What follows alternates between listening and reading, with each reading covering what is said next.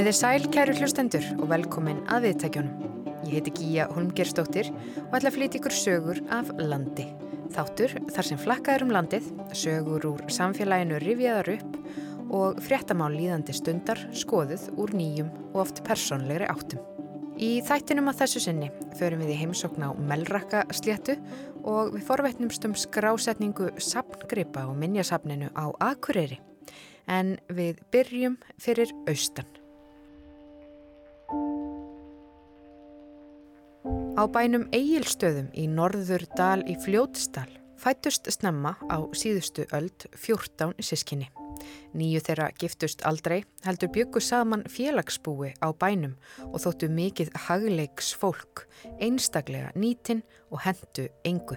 Elstur sískinana var Snorri Gunnarsson, þektur skrattari sem gerði við saumavélar, klukkur og hvað sem bilaði og hann hvað gerðnan við vinnu sína.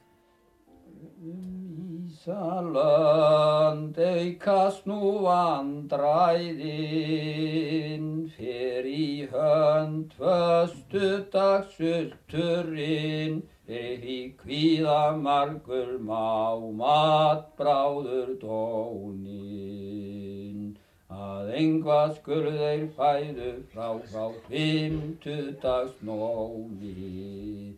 Laugardag lifandi nauða, ég sé það strax þeir svelta til dauða. Annars slags má leytast við kauða, skamt heim fullan askinn sinn, áðurinn kirkju fara á hund, svo fullur sé mægin.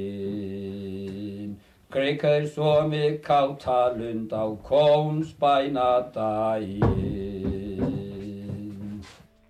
Sískinin voru líka afkomendur yngunar skiknu og því kom ekki óvart þó þau gætu stundum séð hið óordna. Rúnasnær Reynisson fór inn í Norðurdal í Fljótsdal til að vitja um sögu þessara sískina.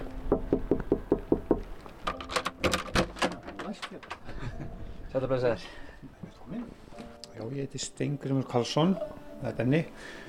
Við erum stætt hérna á Instabegðabóli í afdalunum Norðurdal í Fljótsdal. Ég er ættaði hérna dalnum og, og, og fekk þetta gamla hús til að nota það sem var búið að vera í eði um 20 ár. Og, og saga sískinina var það merkileg og staðsetningin hérna við jáðar óbyðana að, að við ákvaðum að setja hér upp óbyðasettur og hluti af síningun okkar segir einmitt frá lífi og, og sínir frá þeirra handverki og lífi. Þau voru Berglóta Stefansdóttir sem fætti 1884 og Gunnar Sigurssona sem fætti 1881. Elstur var Snorri, fætti 1907, Sigurður 1908, Stefan 1910, Sigurður 1911, Sigurbjörg 1913, Pétur 1915, Egil 1916, Björg 1917, Ingólfur 1919, Bergljót 1920, Jóriður 1922, Guðfinna 1924, Ingibjörg 1926 og Þórsallar 1927. Og nýja þessum sískinum byggur hér á þessum bæ og hinn í dalnum og einn flutti til Norrfjörðars, Sippa. Snorri var mjög fjölhæfur, það voru meira og minna skegli gott sískinni og Snorri er einstaklega næmur þannig og hann gerði ekki, yfir 90 setta peysufötum og upplutum og smíðaði gerði við klukkur og smíðaði hús og, og var, já, mjög lægin og einsann hátt og, og þau sískinni öll, sýsturnar líka og þau skiptu svolítið með sér verkum hérna á bænum og klukkan sem við horfum hérna á til dæmis, hún er heimasmíðuð af tveimur bræðirna og klukkur skífan er handteiknum með blíjandi veitni sýsturinni tannhjálfin og yminsleiti klukkun er bara já, heima smíðað og svo nýtt eitthvað dótt og nýtt og gamalt sem að fell til sem er hægt að nota og ég er með hann að sko stoppa því að hér er gisting uppi þannig að það er svolítið háfaða söm svona þegar hann er látið ganga. Og sér greinilega hún er bara að teikna hérna með blíjandi sem fallega að skýfa Mikkelsen úrsmöðu fekk ég mitt einhvern tíman úr í viðgerð í Reykjavík sem Snorri hefði gert við einhvern 20 árum áður og þegar hann opnaði úrið þá ringdi hann strax eigandana því að spurði hvað það hefði gert við klukkuna því að það var, það hefði notið sikkur í snæla til að búa til þá varalhutti sem vantaði upp á til að láta allt ganga upp og hann gekk þannig og góða tíma. Já þannig að Snorri var mikil svona viðgerðamaður og, og hagleiksmaður.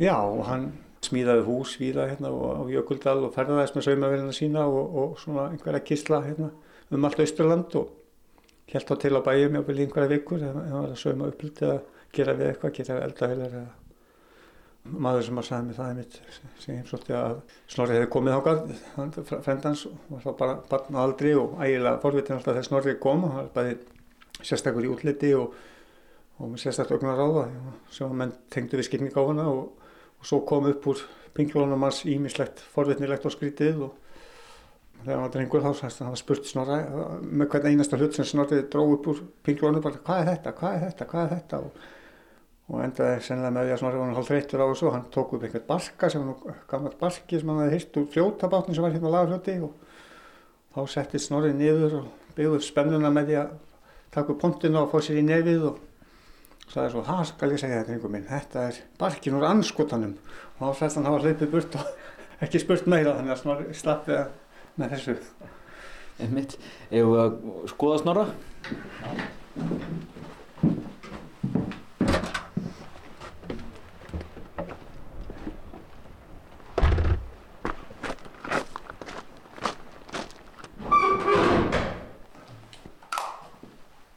komum við inn í gamla fjósið og það er til einhver sögu sískinana.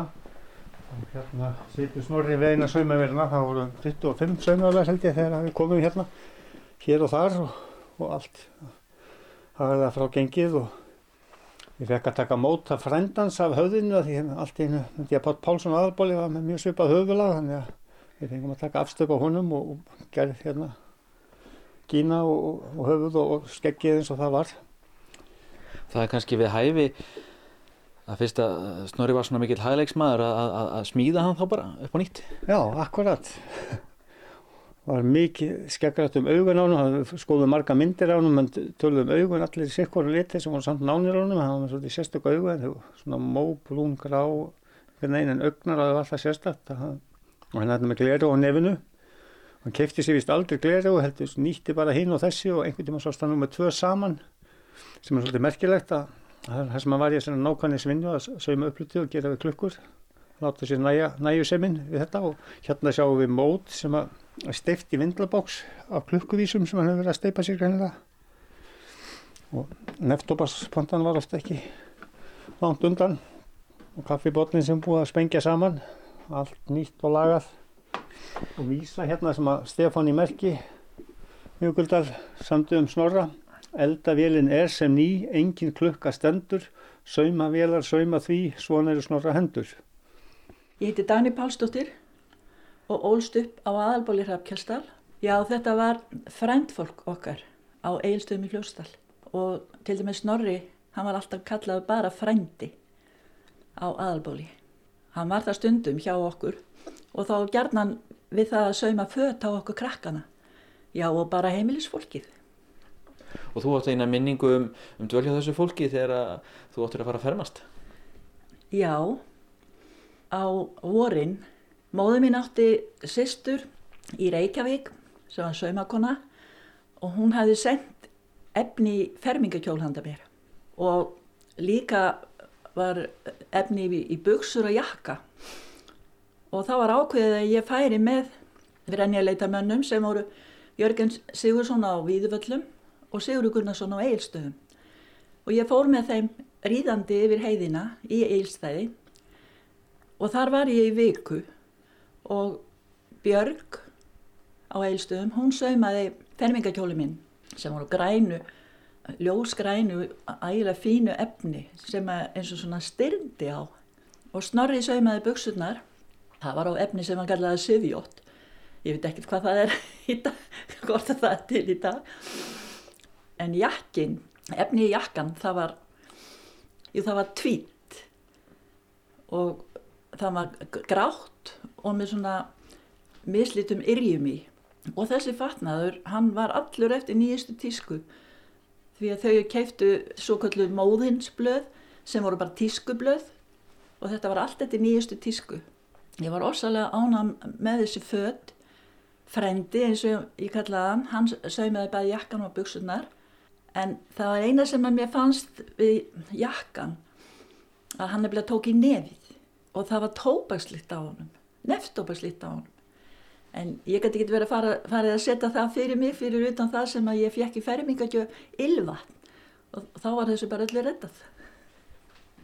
Úlingstrákar komu kannski með afrifur einhverju leikurum eða tónlistamennum með einhverjum þekktum í einhverjum flottum jökkum eða eitthvað og fengur snorra til þess að sauma á sig og hann taldi það ekki eftir sér og þannig að hann var opinn þannig og til í að gera ímislegt.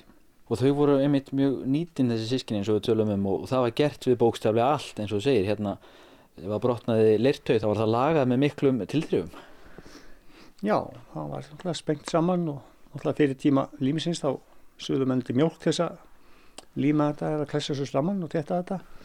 Já, þetta er henni sýstu dóttir hans sem er hérna í, í peysufötum sem að Snorri gerði á hana og það er upplyttið hérna líka sem að Snorri gerði og ímislegt handverk eftir það sýstu sem var mjög flinkar og ímislegt dæmum nýtnina, hérna sjáum við nú einfaldan hlut sem eru leppar í skó. En þessir sömur eru svona skraudlegir og, hallegir en þessir er hérna og, og margir aðrir eru búinir til úr þegar prjónabreikurna voru fannar að slitna þá voru heilubút hann kliftir úr og nýttir í leppa, það fengum mann hlýja öll að leppa. En frá leppunum er komið það að gefa mönnum til fótinn þegar stúlkur voru að gefa piltum leppa. Og líf þessara sískina það tengist kannski á svolítið skemmtilegan hátt eh, einmitt óbyðunum og, og þessu óbyða setri því að í óbyðum þurfa menn að bjarga sér.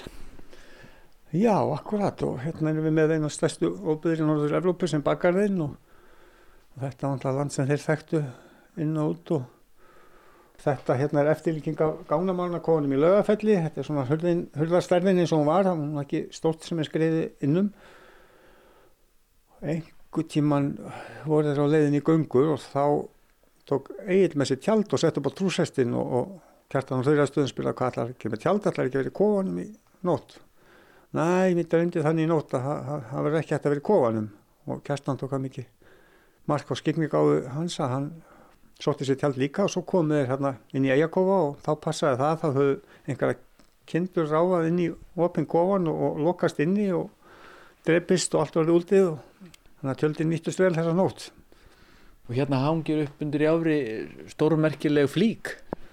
Já, þetta er svona þykkur anorakkur úr hrendisfeldi og hárin haldast ótrúlega á hennum, það voru nú til fleiri hérna í dalnum en þetta er svo eini sem er vitaðum að það er til, þetta er mjög hlýtt, hárin hóla innan og veita góða einogurinn en tiltölulega létt með við hvað þetta er hlýtt og mann fengur þetta jafnveg lánað hérna á öðrum bæjum til að liggja í þessu okkarennjum. Sem svo að algjör kosta flík? Já, þannig að maður þarf að passa vel upp á þennan grip, hann er einstakur. Hefur þú mátað þetta? Já, já, þetta er, mann er verið fljótt heitt í þessu. Þær sýstur voru mjög handlagna líka, Björg og Begga unnu á saumastofum til dæmis á reyðafyrði og Björg þótti bara að vera eins og París að dama þegar hún gekk um þegar það farið á mannamót og annað og þessi nýju sískin sem byggur hér þau giftist aldrei en þó Jóriður hún egnaðist eitt svon sem er Gunnar eða Mansi sem er búndi hér henni dag okkur vinnu minn. Þurfum við ekki að hitta Mansa? Jú, ég heldur að mann yfir hérna hann, hann þekki nú ímislegt af þessu betur en ég. Ég heiti Gunnar Jónsson, Egilstöðum, Glósdal, bóndi. Móður mín er eitt af sískinunum. Já, já, ég er alltaf fættur hér á uppalinn og volst upp í þessum hóp. Bara mjög gott. En þau lítið mig alveg bjarga mér, ég var ekki að sjá mig sjálfur þannig og þau pessuðu vel upp á mig. Þau voru mjög gestrisinn. Það var bóðið, öllum bóðið í bæinn sem kom að nála tónu, það var bara sjálfstæður hlutur. Bæði menn og konur komið hérna og það var saumað og smíðað og þetta fólk dvaldi vilt hérna meðan það var verið að vinna fyrir það.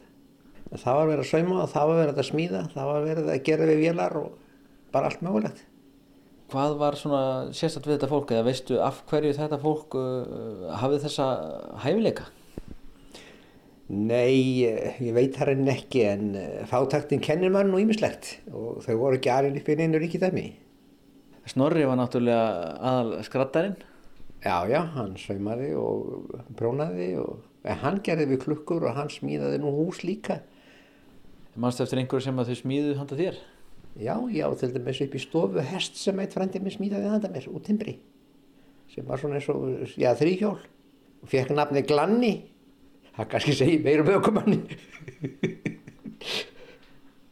og það setur þetta alltaf í manni það var að reyna að bjarga sér ekki að hlaupa með eitthvað í burtu eða eitthvað bilar eða þarf að laga það, þá reynið að gera það sjálfur Hérna erum við komnir í ansi magna herbergi. Hér eru náttúrulega, má segja aðlega tvent, það eru neftópakstósir og verkværi. Já, neftópakstósirnar hafa verið mikið kærfi á því hvernig naglar og skrúfur og aðri smálhutti gemdir í neftópakstósunum, þannig að þær fengu nýtt hlutverk eins og flest hér. Þessi svönda sem ég er að setja á mig hérna, þetta er íslenska fánanum út um allt. Það útskýrist að því að þetta er gammal póspóki sem snorri breytti í smíðasvönduna sína og með hérna hanga fyrir hamarinn og vasa fyrir vespari og þessi vasi hérna uppi hallan út aldrei mikið sem að getur nú ekki verið óvart hjá Snorra, hann var það mikil nákvæmlega smaður, þetta sýnir bara að hann var réttendur og þægilega gangum hann með því að halla vasanum á móti hægri hend og verkvæðin sem við sjáum hér, þetta er alltaf hendishotnin notið mikið í heimasmiða, skrújátn og hójátn og heinál og, og hér má sjá skrítið verkværi, þetta er, þeir komast yfir ónýta skilvindu og breyttu henni í borð-borðvél þannig að hann notaði gírin á henni og hjólið til þess að gera henni að borðvél.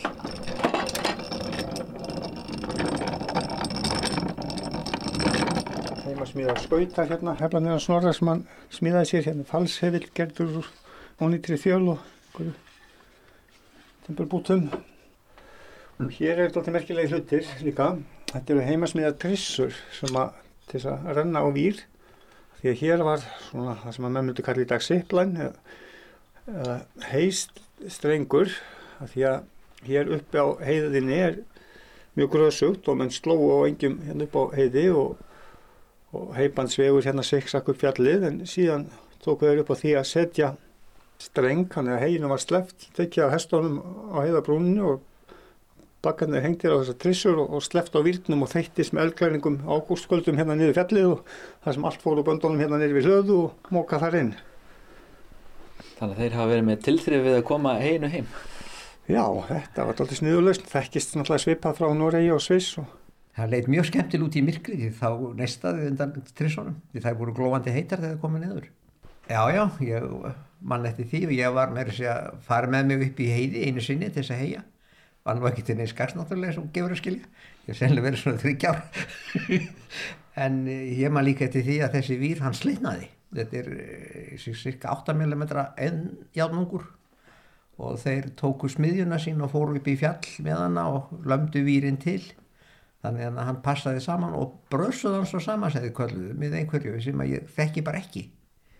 Og það djúði, hann hafði hann upp í fjallin ennþá heilt. Og sparaði þetta mikla vinnu? Já, sparaði, já, það gerði það því að það var ekkert gott að flytja hérna niður fjalli á hestum. Þetta er bratt. Það er svolítið gaman að geta sínt háttu þessa fólks. Þetta er kannski smeltpassarinn í nútíman þar sem að sjálfbærnin og, og nýtnin er likil orð.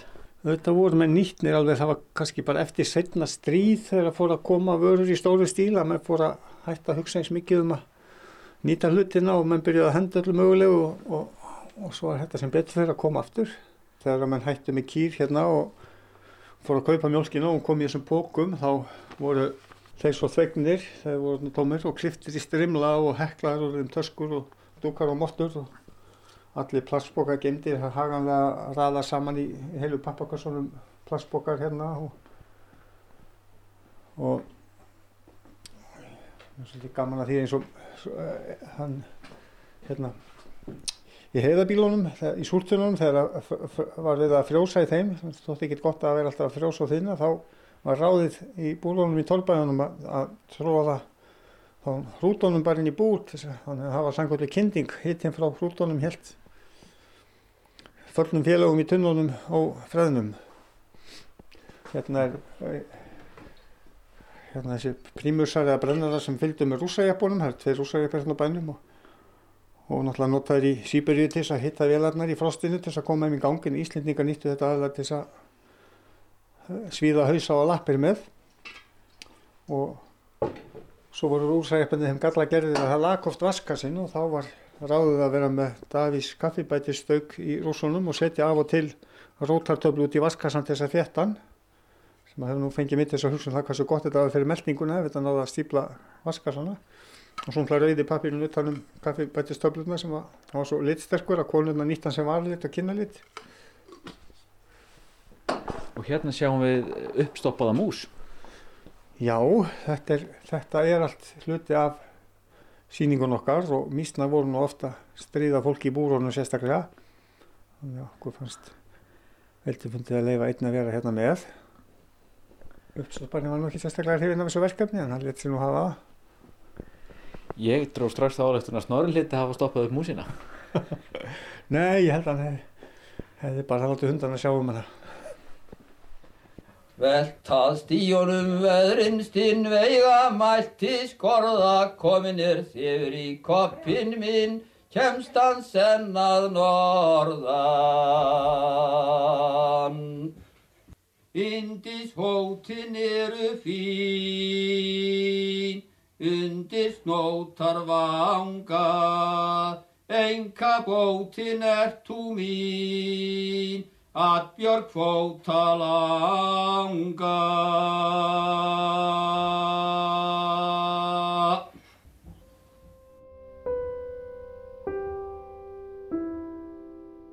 Stundum þegar vel á á honum þá var hann svona kveða ímsar vísur.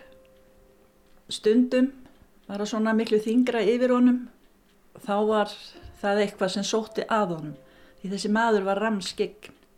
En hann talaði aldrei um það. En maður sá það samt. Og hann sagði fyrir um gestakomur. Sérstaklega mann ég eftir einu sinni og það var um vetur, einhvern tím eftir jól og það var svo mikil snjór í Hrafkjelsdal og bara allstaðar held ég. Og þá segir hann svona við mömmu, já það koma gestir í dag. Mömmu fannst það ekki trúlegt, eins og ferðin var, kannski einhverju frá aðbrekku. Nei, hann sagði að þeir væru ekki frá aðbrekku, þeir kemur lengra að. Já þess og heldur, sagði mamma. en svo leið dagurinn, það var alveg fram í rökkur. Og þá fór mamma að stríða snorra og sagði, já ekki, eru nú komnir þessi gestir. Og hann glotti við og sagði, nei, en þeir koma samt. Og þeir komu. Og það var bróðir hennar, Hallgrimur, í fjálsili og maður með honum, sem kom að gangandi við fljóstaseiði. Þetta var merkilegt að kynnast þessum manni.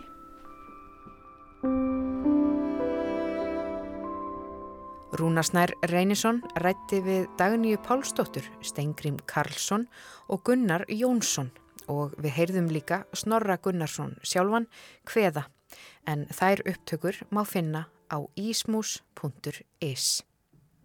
En næst skulum við fara í heimsókn á bæin Reistarnes á vestanverðri Melrakastléttu. Á bænum Reistarnesi býr smalahundurinn Tímon sem rataði nýverið í fréttir eftir að hafa fundist heill á húfi í gjótu eftir að hafa setið þar fastur í tíu daga. Óðinsvann Óðinsson heimsótti eigundur Tímons og forvitnaðist um björgunina og lífið á sléttu. Það er Ágústa Ágústóttir bóndi sem tekur á mót okkur og við byrjum á að forvitnast um hvernig henni líkar að búa á Melrakkasléttu. Mér finnst þetta geggjað sko. Mér finnst þetta svona forriðundi að hérna, einhvern veginn að þegar maður kemur hérna gegnum skörðin þannig að þetta er svona sem maður getur lokað svolítið hurð á eftir sér. Maður svona kemur hérna, sér yfir sléttuna. Maður fær ekkert, ekkert hrári náttúru heldur en hérna og bara lifur svolítið með náttúruöflunum. Það er náttúrulega rekkaviðurinn hérna og gróf strandlengjan veðrið og einhvern veginn já, þetta er bara frelsið, þetta er svona bara paradís, náttúru paradís og, hérna, og fá að búa við þetta finnst mér mikil fórhættandi. Hún er duglega að láta vita af sér, náttúran, hér.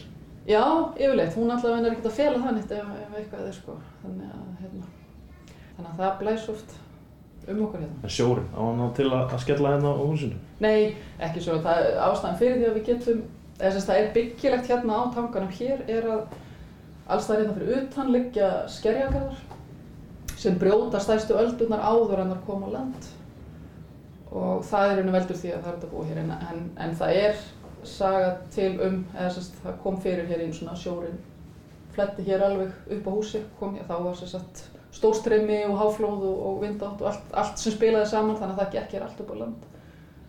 Og það er til dæmis ástæðan fyrir því að garðurinn okkar, þú veist, lóðin hallar niður frá sko, þannig að það er til þess að að verja það að, að meni, ef eitthvað gerist einu sinni þá getur það gerist aftur.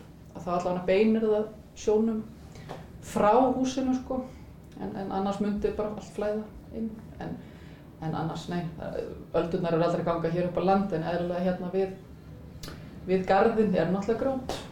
Já, sjórin ber með sér grjót sem er þarna út um allt við garðin þeirra hjóna, þeirra Ágústu og Kristins á Reistarnesi.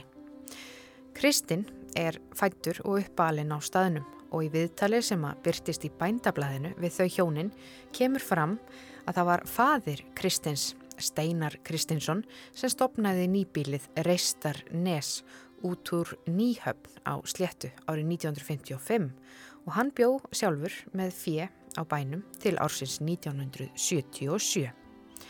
Sónur hans, Kristinn, flutti síðan að sunnan og aftur heim árið 1990 og keipti þá 100 kindur af bóndanum í miðtúni sem þá var að hætta búskap. Í lok árs 2014 kynnast svo Kristinn og Ágústa og sömarið 2015 flytur Ágústa svo í Reistarnes með börnum sínum en hún bjó áður á jörðinni Meiðavöllum í Keldukverfi þar sem hún stundaði fjár búskap með annari vinnu. Hausti 2015 tóku þau Ágústa og Kristinn svo ákverðun um að fjölga fjennu í tæpar 600 ær. Söðfjár búskap fylgja auðvita göngur og réttir og það er þar sem að smalahundurinn Tímon kemur við sögu. Tímon er sér satt svona fjárhundurinn okkar, hann er eins og hálsors, hann hérna að í raunin að taka við bara pappa sínum sem er orðin gammal og svona svolítið sparihundur bara. Þeir Kristinn og Tímon lögðu að staði fyrri göngur og voru við smölun í Blikalónsdal sem er um 20 km langur sigdalur myndaður af misgengjum sem nær frá ströndum melrakasléttu og inn til landsins. Gósprungan sjálf er um 70-80 km laung og nær langt söður á Mývats örafi. Ágústa segir að dalurinn sé að mestuleiti gróin en austur brúnin er frekar sprungin og þar þarf að fara varlega. Og svona mesta leiðina, eða svona góðan drjú af leiðinni er bara maður þarf að hafa augun hjá sér og það eru gött sem opnast hér og þar og sprungur og, og hann var sérst bara þarna með hundina að ríða um og smala og hann hverfur bara spórlust. Strax hófst viða mikil leit sem bar ekki árangur en það svæði stórt og sprungurnar margar. Ágústa segir að þau hafi í rauninni verið búin að afskrifa tímun og vonuðu að hann væri frekar dauður heldur en særður ofan í ykkur í gjá og að enginn findan. En tíu dögum síðar var farið aftur í göngur og Ágústa ákvað að sveipast um eftir tímun þrátt fyrir litla von. Og svo rekju augun í töluðatandi hlýðar voru nú svona eitthvað að spíkspóra þarna um og reyna eitthvað að kíkja hér og þar og rekju augun í svona gat sem er hálf gróið ling og kjarri yfir upp úr hellinu, þá hafði hann leið í bæli þar undir, undir steinhöllinni. Tímon var afar gladur að heyra í eigundum sínum og gelti af svo miklum ákafa og gleði að Ágústa segir að það hafi eitthvað líst upp innræmiði. Og þá var farið að ná í stiga og annan búna til að ná til tímons og svo var honum bjargaður gjótunni eftir að hafa setið þar fastur í tíu daga. En tímon er alls ekki fyrstu hundurinn sem týnist á þessu svæði. Það var nú til, eða eftir saga af gamalli, eða þess tík sem að var hérna í miðtúni á sletti sem týndist, það eru sjálfsagt 30-40 ára allavegna síðan, hún týndist á blikanústafnum eða eitthvað stöður uppi. Og það var leitað aðan í einhverja daga eftir og ekkert fannst ekki tangunni teitur. Og þetta er líka svo erfitt að því að sko, sprungurna geta líka leiði saman stundum gætu hundarnir eða þeir sem fara aðna niður sko, komist eitthvað lengra inn undir. Þannig að þau þurfa ekkert endilega að finnast þar sem þetta er niður. Þetta er, þetta, þetta er bara já, erfitt svæði.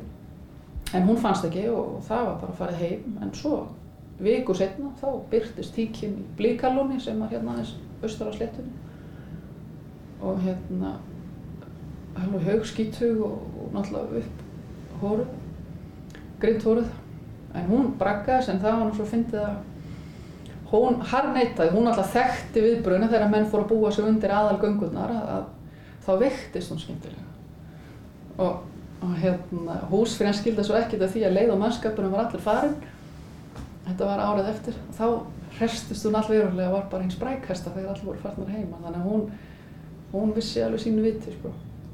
En það er ekkert svoleiðis hjá, hjá okkar manni í dag. Nei, ég held að vinnugleðin er svo algjörlega, hún, hún yfirskikjar allt saman, að, hérna, að, hérna, já, þannig ég hef eiginlega bara engar áhyggjur af því. En hann lág hann í tíu dag. Já, þetta er ótrúlega hvað þeir ná að, að einhvern veginn, já, þetta, þetta eru bara, ég held að við ætlum líka dýrónum oft, við, við, ég held við leitumst of mikið stundum í að gera þau mannleg, þetta eru gælindýrin okkar og svona, að þessi dýr eru miklu harðari heldur en við og þetta er bara, já, þetta eru ótrúlega hörku tól þegar á reynir sko. Já, dýrin eru ótrúlega hörku tól og það síndi smalahundurinn Tímon svo sannarlega. En talandi um hörku, þá er oft ansið mikil harka í veðrinu á Melrakka sléttu. Við skulum heyra ágústu, lýsa búskapnum, lífinu og veðráttunni á svæðinu. En veturnar, eru þeir snjóþungir og, og, og harðir hér? Snjóþungir eru þeir venjulega ekki. Um, auðvitað ekki með snjórin, það er nú yfirleitt vindur sér nú um að hérna, hann er nú yfirleitt að flýta sér það mikið hérna. Það dregur bara í skabla, svo sem í kringum hús og, og annað eins, eins og gengur að gerast. En, nei, en það er svona ástæðan fyrir því að það er svo gott að búa hérna með söðfjö, að maður getur verið með úti í allan ásins ring. Við erum með um 550 fjár svona pluss mínu svona bara uh, hvert ár. Og þær eru bara í öllinni, þær koma rétt inn bara í fengitíð í desember. Og meira sér við með hóp úti með hrút í fengitíð.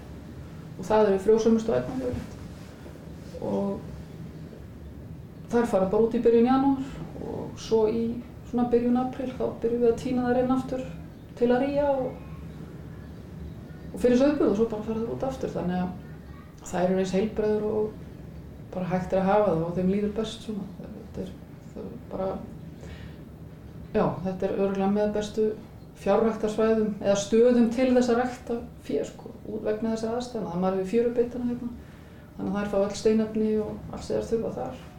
Gefum við þeim í gjafaringi, svona tvisara viku.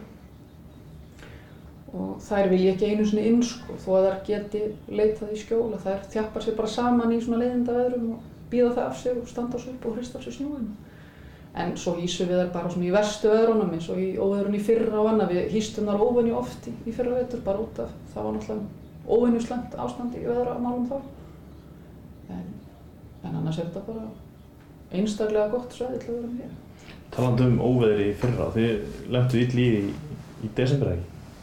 Jú, það fór rafmagnað hér af hjá okkur eins og, eins og bara, já, eiginlega nánast öllu Norðurlandi þannig en við vorum hérna minnir að það farið af á þriðjudegi við fengum við eigum litla rafstöð sem við tengdum hérna inn þannig að við höfðum sko rafmagn en við gáttum ekki kynnt með henni þannig að við vorum með gas hérna um allt að kynnta og, og eigum gashellur sem við gáttum nota til að elda og, og hérna þeir komu svo hérna ræðregmenn um helgina, ég man, minnir að það verið á laugadegi með stóra rafstöðar sem þeir voru að dreifa um hér. Þannig að þá gáttum við tengt það inn og fengið hitta og losað okkur við gasið. En tengingu inn á svo aðal rafmagnið var ekki fyrir að við minnum á sundi, eða á mánudeginum. Þannig að þetta var náttúrulega vika sem við vorum hérna í. Og línutnar brotnuði hérna. Ísingin var alveg svakalega, gerðingarnar fór í mask hérna bara á stórum köplum þannig að já, það var svona hristi arlega í hérna þannig að og fólk sem að bara er fætt hér og uppalið að það það man ekki auðvitað voru hér oft vond veður og óveður en það er þetta hitastig sem, þú veist, ef að, að hitastigið hefði verið einni, tveimur, þremur gráðum bara minni, meira frost, þá hefði þetta aldrei farið orðið svona slemt. Það var ísingin sem var í rauninni mesti eðileggingamáttur. Sem vafðist utan um allar stöðra og Þryggt bara á ramaslínunum, þetta, þetta sko svakalegt hvað þetta hlóðst utan á allt. Það, það, þannig að það, það var það sem var, þessi slittu ísing og geði setja einhvern veginn. En já. Þetta hafði nú já svona í, þegar öllu var á botnin gólt jákvæðar afleiðingar þetta, þessi skellur, er það ekki? Jó, maður er svo sem alltaf að taka út úr hlutunum þar sem maður er jákvæð, það, hérna, það er alltaf þannig og það er alltaf eitthvað jákvæð. Það er allavega maðurinn minn, hann, hann taldi sig aldrei eftir að upplifa það, að fá tvent og, og annað var þryggjafærsara magn og hitt malbygg á slettu. Þannig að við erum komið þryggjafærsara magn núna, þeir gáðust upp á að gera endalust við línundar að hún var orðin það léleg hérna út eftir að það mátti valla spá vöndu veðrið og þá brotnaði einhver stað staur eða slitnaði lína og þannig að þeir ákváðu eftir óveðrið að að, hérna, að leggja bara jarstreng hérna, til okkar og það, það er nýlega búið að tengja það hér. Það var verulega ánægilegt. Þannig að nú býðið bara eftir malbygging? Já, það var gleðilegt að, að lifa það.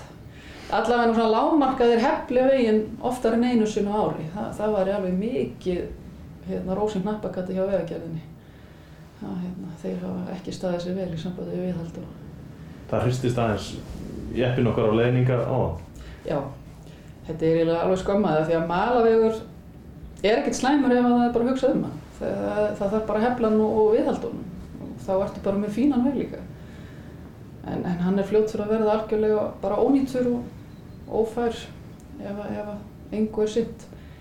Enda, enda síndi það sig að þegar hófaskarsleiðin var opnið nýja að, að, hérna, þá hreinsuðu þeir vegstikurnar öðru megin á einum. Þannig að við höfum núna bara vegstikur á annari hliðinni þegar við kemum. Hvernig gengur það að þið þurfum allavega að vera rétti með þér? Já, við allavega höfum það. Það er stundum það eina sem við höfum til viðmjöðunar þegar við erum að keira hér á milli. Við erum alltaf, ég sé um skólagsturinn hérna á veturnar og við erum að fara með krakkan á milli og maður minn vinnur inn á Kópaskeri og þannig að hérna, já, við erum á jeppum og yfirleitt komumst þetta nú í gegn en veturinn í fyrra var óvinni slæmur þannig að það þurfti óvinni ofta að móka hér í gegn. Þannig að þetta, þetta bara er svona. Þú segir mér að þú sért að sjá um skólaaksturinn, maðurinn er að vinna hjá Fjallalambi á Kópaskeri þeir með yfir 500 kindur, það er nóg að gera. Já, já, svo erum við ferðarþjónustu og við Ásbyrgi líka, þannig að það allan er bara þannig eins og staðan er í dag að það lifir enginn bara af sögfabúrskap því miður. Já, svona lýsir Ágústa Ágústóttir bóndi, lífinu sem söðfjörbóndi á Reistarnesi á vestanverðri Melrakkasléttu. En svona að lokum, hvað með smalahundin Tímon? Hann er bara sprengur og hérna, já og það er bara eins og ekkert hafi í skorist í rauninni. Hann er bara eins og hann var. Þannig að hann er bara klár í, í göngur á næsta ári. Já, það, held ég að sé alveg hreinu. Hann, hann fer nú ekki núna en hann er alveg klár með okkur hérna að reyka á túnum áður hérna heima. Hann lætur sér ekkert vant í það og allt í góða en það hefur hann líka bara gott af því að, að reyfa sig. Þeir þurfa náttúrulega að reyfa, sig, þetta eru þannig dýr. Frá Melrakka sléttu færið við okkur til Akureyrar. Þar sem tekur á mót okkur mikill fuggla söngur. Við erum í gardinum hjá Minjasafninu á Akureyri og það hljómar eins og fugglarnir hafi það ansi gott, kjamsandi á þroskuðum berjum trjána. En við ætlum í heimsókn í kjallara sapsins, þar sem Haraldur Þór Egilson, sapstjóri og Hörður Girsson, sapvörður ljósmyndadildar, ætla að segja mér frá starfinu bak við tjöldin.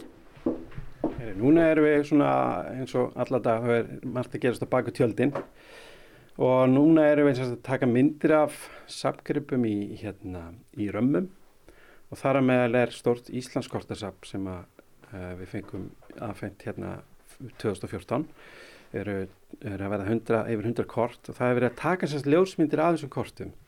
Og bæði til þess að hérna, nota með skráningu og svo í útgáfu og heima síðu og annað. Þannig að það hefur verið að það hefur verið að það er ímislegt sem þarf að gera varðandi svona einu svona ljósmyndatöku. Og eru þetta teiknukort eða hvernig kort eru þetta? Nei, þetta er allt sem sagt prentukort og hérna frekar gömulur frá 1550 og hérna til 1808 alls konar stærðum og gerðum. Og þau eru öll uh, komið til okkar alveg svakalega vel frá gengina en við erum ekki að taka öllum úr ramma þannig að það er að taka myndir í rammanum. Uh, og við viljum helst ekki trefja þeim að þetta eru frekar sjálfgef kort. Já Og hvað svona þessa, þessi kort? Er eitthvað svona eitthvað rauðu þráður sem þú sérð? Já, það er svona, það er svona ákveðin, ákveðin saga sem myndast alveg hérna frá eldstu kortunum svo fram í 1808. Þetta er, það er svona ímynd Íslands og útlitt er að þróast á þessum kortum frá því að vera einhverju ókennileg, ókennileg ringur í miðju allansafi eða einhvers konar sker út í það að vera bara fullkomin hérna, fullkomnar útlínur þetta er náttúrulega mest sjókort sem er verið að tekna hann mm. þetta er yfirleitt strandlínan sem er sko hérna kunnulegust og, en, en hérna það sem er á miðhálundinu skiptir ekki öllu máli fyrir þann sem kemur Siglandi Nei, einmitt. Og eru inn á þessum kortum þessar fígúrur, þessir drekar, þessir vættir allstaðar sem var svo enginandi fyrir kort mögulega á þessum tíma? Já, já, það er sérstaklega eldri kortunum sko, þegar að hérna það er alls konar fórinjur og, og hérna skringileg sjó, sjó hérna dýr sem að sem eru inn á þessum kortum sem var auðvitað bæði svona kannski að einhverju leiti svona ákveðin hönnun að hafa þessi sjó hérna, skrimslin á kortunum var, var, er líka þekkt annar staðar úr, úr hérna úr öðrum höfum uh, bæ, kannski er þetta tvennskonar að fólk sko að sjófarendur sem er búin að vera lengja fæðinni sjá einhvað skríti gæjast upp úr sjónum átt að segja að þetta er bara vennileg kvalur kannski mhm. orðin illa svangur og þreytur á ferðinni og þeirra ímyndað er að þetta sé einhvað allt annað en svo mm. hitt, þetta sé bara einfallega skemmtileg skreiting sem að þeir sem að voru að kaupa kortin fannst skemmtilegt að hafa á sko. en það er skemmtilegt að hafa, það er alls konar skemmtilega fíkurur og díteilar í skemmtilega smáatrið á öllum þessum kortum sko. Já, uh, og þessi kort voru vantilega gerð af uh, erlendu fólki, eða ekki? Jú, jú, þetta er allt, þetta er ítalski kortagerðamenn og hollenskir og þískir og, mm -hmm. og hérna, svo eitt þetta algengasta sem að hérna, við þekkjum vel, uh, ég man nú strax eftir þessu konfettkassa, það er hérna Íslandskort sem er eignað hérna líklega Guðbrandi Biskup eða einhver af hans vegum sem er afskaplega nákvæmt þótt að sé með eldstu kortunum en það er einmitt, við sjáum það til dæmis á örnöfnum og, og bara landslæginu að það er einhver sem þekkir betur til og einhver sem er staðsettur á landinu sem, sem gerir þetta. Mm -hmm. Þeir eru núna bara hérna á fullu að mynda. Já. Hvernig fyrir þetta fram svona? Við erum hérna búin að útbúa aðstöðu hérna akkurat á, hérna í kellaran á, á minjasamnu. Þar erum við með hérna geimslu frí ljósmyndir og Hörður Geisson sem er okkar sérfræðingur í ljósmynddeildin er líka ljósmyndari, hann vil ekki, ekki kannast þegar hann sé atvinni ljósmyndari heldur áhuga ljósmyndari og hann er búin að koma hérna upp aðstöðu og, og hérna við erum búin að vera að taka myndir af öllum þessum kortum og er fara að mynda meira alls konar myndir og vegskreitingar sem að fólk hafði bara upp á vegg hjá sér. Og svo ætlum við að fara að hérna, taka myndir af því sem er í nonnásu sem er á veggjum þar. Mm. Og hvað er á veggjum þar, svona til þess að forveitnast? Það er nefnilega heimslegt forðinlegt bæði, bæði sem tengist nonna en svo ekki síður sem tengist sko manna, hann, hann var mikil teknari Þannig að það eru skemmtilega tekníkar sem að manni sendi mömmu sinni í hérna brefum þegar hann fettaði fótspór nonna. Svo eru hann tekníkar eftir Svein, föður nonna sem er mjög skemmtilegar og, og, og gamlar. Þannig að við ætlum að taka mynd til þessu öllu. Já, já. Bæði til þess að varveita og, og svo líka eru sapgripir eins og þessi, þess eðlis að stundu þurfa að bara komast í kvíld. Sko. Það er svona kvíldar innlögn fyrir sapgripi er oft mjög æskileg sko. Og þá er gott að eiga góða ljósmyndir að greipa honum. Algjörlega, þá getum við bara sett í staðin eftir prent af, af viðkomandi hérna sapgrip og mm. segjum það auðvitað gestunum frá því. Þetta sé afrið af, af, af orginalum sem við séum að varvita. Já, og þá er bara um að gera að færa okkur yfir til hans harðar. Um, þú ert hérna með svona aðstöðu, búin að koma fyrir ljósum og alls konar myndavélum og svona. Og myrkri. Og myrkrið, er það ekki grundvöldur? Fyrir jú, svona, jú, svona sko, ljósmyndir? Þegar við erum að taka ljósmyndir til þess að sapgripum þá erum við ekkert með myrkvarnartjöld en hér erum við að mynda gler, myndir sem sapgripi sem er í gleri, undir gleri og þá þurfum við að gera ráð fyrir því að allt sem er á móti glerinu speglist og þess vegna eru tjöld sett hérna á bakvið til að dempa allan endurkast af, af uh, hvítum hjólaskápum og fleiri sem er hér og síðan er myndavilinn á því fættinum með tjaldi í kring og bara gat fyrir linsuna til þess að ég sé ekki líka speglast í, í glerinu. Og uh, síðan er sagt, þetta er dalti ferli, við erum með tjekklista hérna og er hérna svo við glemum nú einhvern veginn, við erum að hafa verið að gera þetta á, löngum tíma. Já, uh, sko, þessi tjekklisti viltu lesa hann upp fyrir mig? Já, það fyrst þarf að, að, að pakka myndunum, kortunum. Þetta eru uh, gríðarlega verðmætt eða svona menningarlega verðmætt kort síðan þarf að púsa gler, það er að stilla ljósin þannig að, að lýsingin þegar kortin eru mjög stóð þá þá lýsingin að vera nákvæmlega eins í öllum hotnum og miðunni til þess að sé ekki mis, misdökkar þegar það kom á.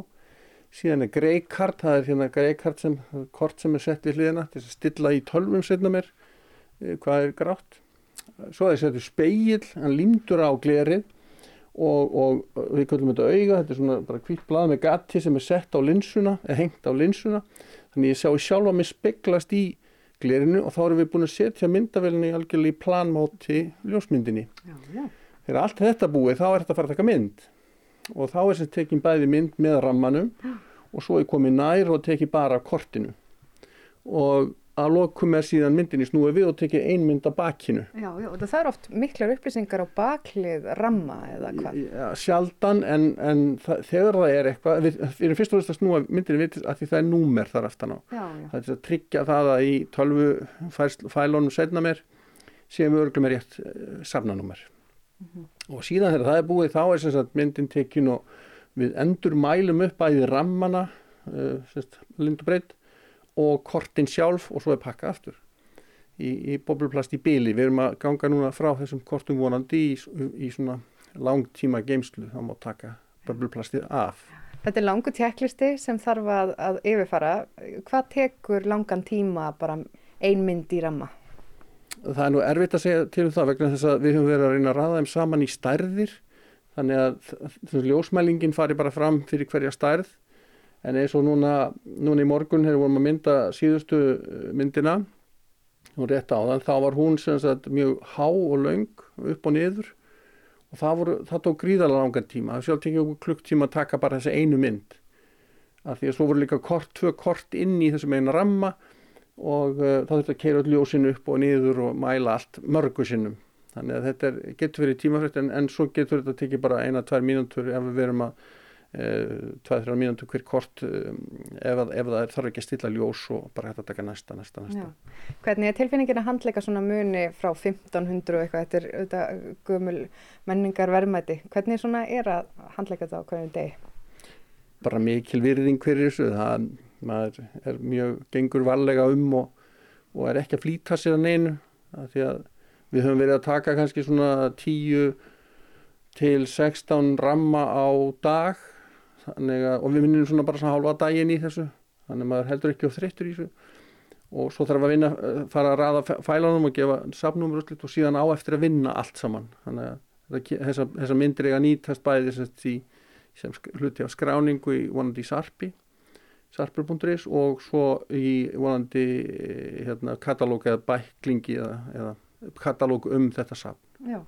Og hvaða mynd ertu núna að vinna í? En nú er ég búinn að mynda semst kortin og nú er við að mynda hérna, handlitaða ljósmynd sem er sapgripur bara í sapninu. Við erum með, við köllum þetta rammaðarmyndir og uh, þar sem við veljum að, að halda rammanum og glerinu og öllu en, en í mjög mörgum tilfellum fjalla yfir ramman. Ef ramman er lélegur eða segir ekki sérstaklega sögu eða er ekki hluti af, af gripnum þá tökum við ramma og gler í burtu. Já.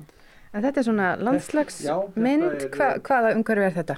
Þetta sýnist mér að vera svarvadalur eða eitthvað áleika, en þetta er handlitu ljósmynd og það sem hefur verið mjög skemmtilegt að við vorum bara rétt á þann að mynda handlitaða mynd af, af Gleraþorpi og þetta eru myndir sem eru komna frá Hertex.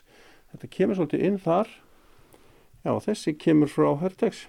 Já, já það er þá eitthvað fólk sem að losa sig við þetta og, og, og já, koma herrtags aðilar með þetta hingað og sín ykkur eða hvernig virkar það? Nei, ég, já, það var nú þannig áður en, en ég hef nú verið duglegur að heimsækja þig og, um, og það hefur verið sjálfsagt að, að hérna, við tökum þessar myndir því að þetta er hluti af því við höfum nefnilega, tókum við fyrir nokkur síðan uh, safni Edvar Sigurðssonar og hann hafði upp í sex manns í vinnu hér á Akureyri frá stríðslokum og, og fram til svona eftir frá stríðinu og fram í svona 55, 1955 og þá voru, var skari manna að vinna við þetta handlita og við eigum sáralítið af þessu. Og þess vegna er svo mikilvægt að, að, að ná þessum inn þessum handlitu svarkvítuljósmyndu svarkvítuljósmyndu sem er handlitað með ólíulitum og uh, ná þeim inn. Og þessi til dæmis er til dæmis lítil. Við eigum mjög lítið af svona litlum handlituðu myndum og þær hafa frekar farið í, í gladkistuna. Já. Já, ég ætla ekki að tröfla ykkur lengur við þessa, bara þessi mögnu störfikar. Takk fyrir að taka á móti mér og gangi ykkur vel. Takk fyrir það. Þarna var rætt við Hörð Girsson og Harald Þór Egilson á Minjasafninu á Akureyri. Og með þessu síðasta einslægi er komið að lokum í sögum af landi í dag. Tæknimaður í þessum þætti var gísli Kjaran Kristjánsson. Við þökkum þeim sem hlýtu lifið heil!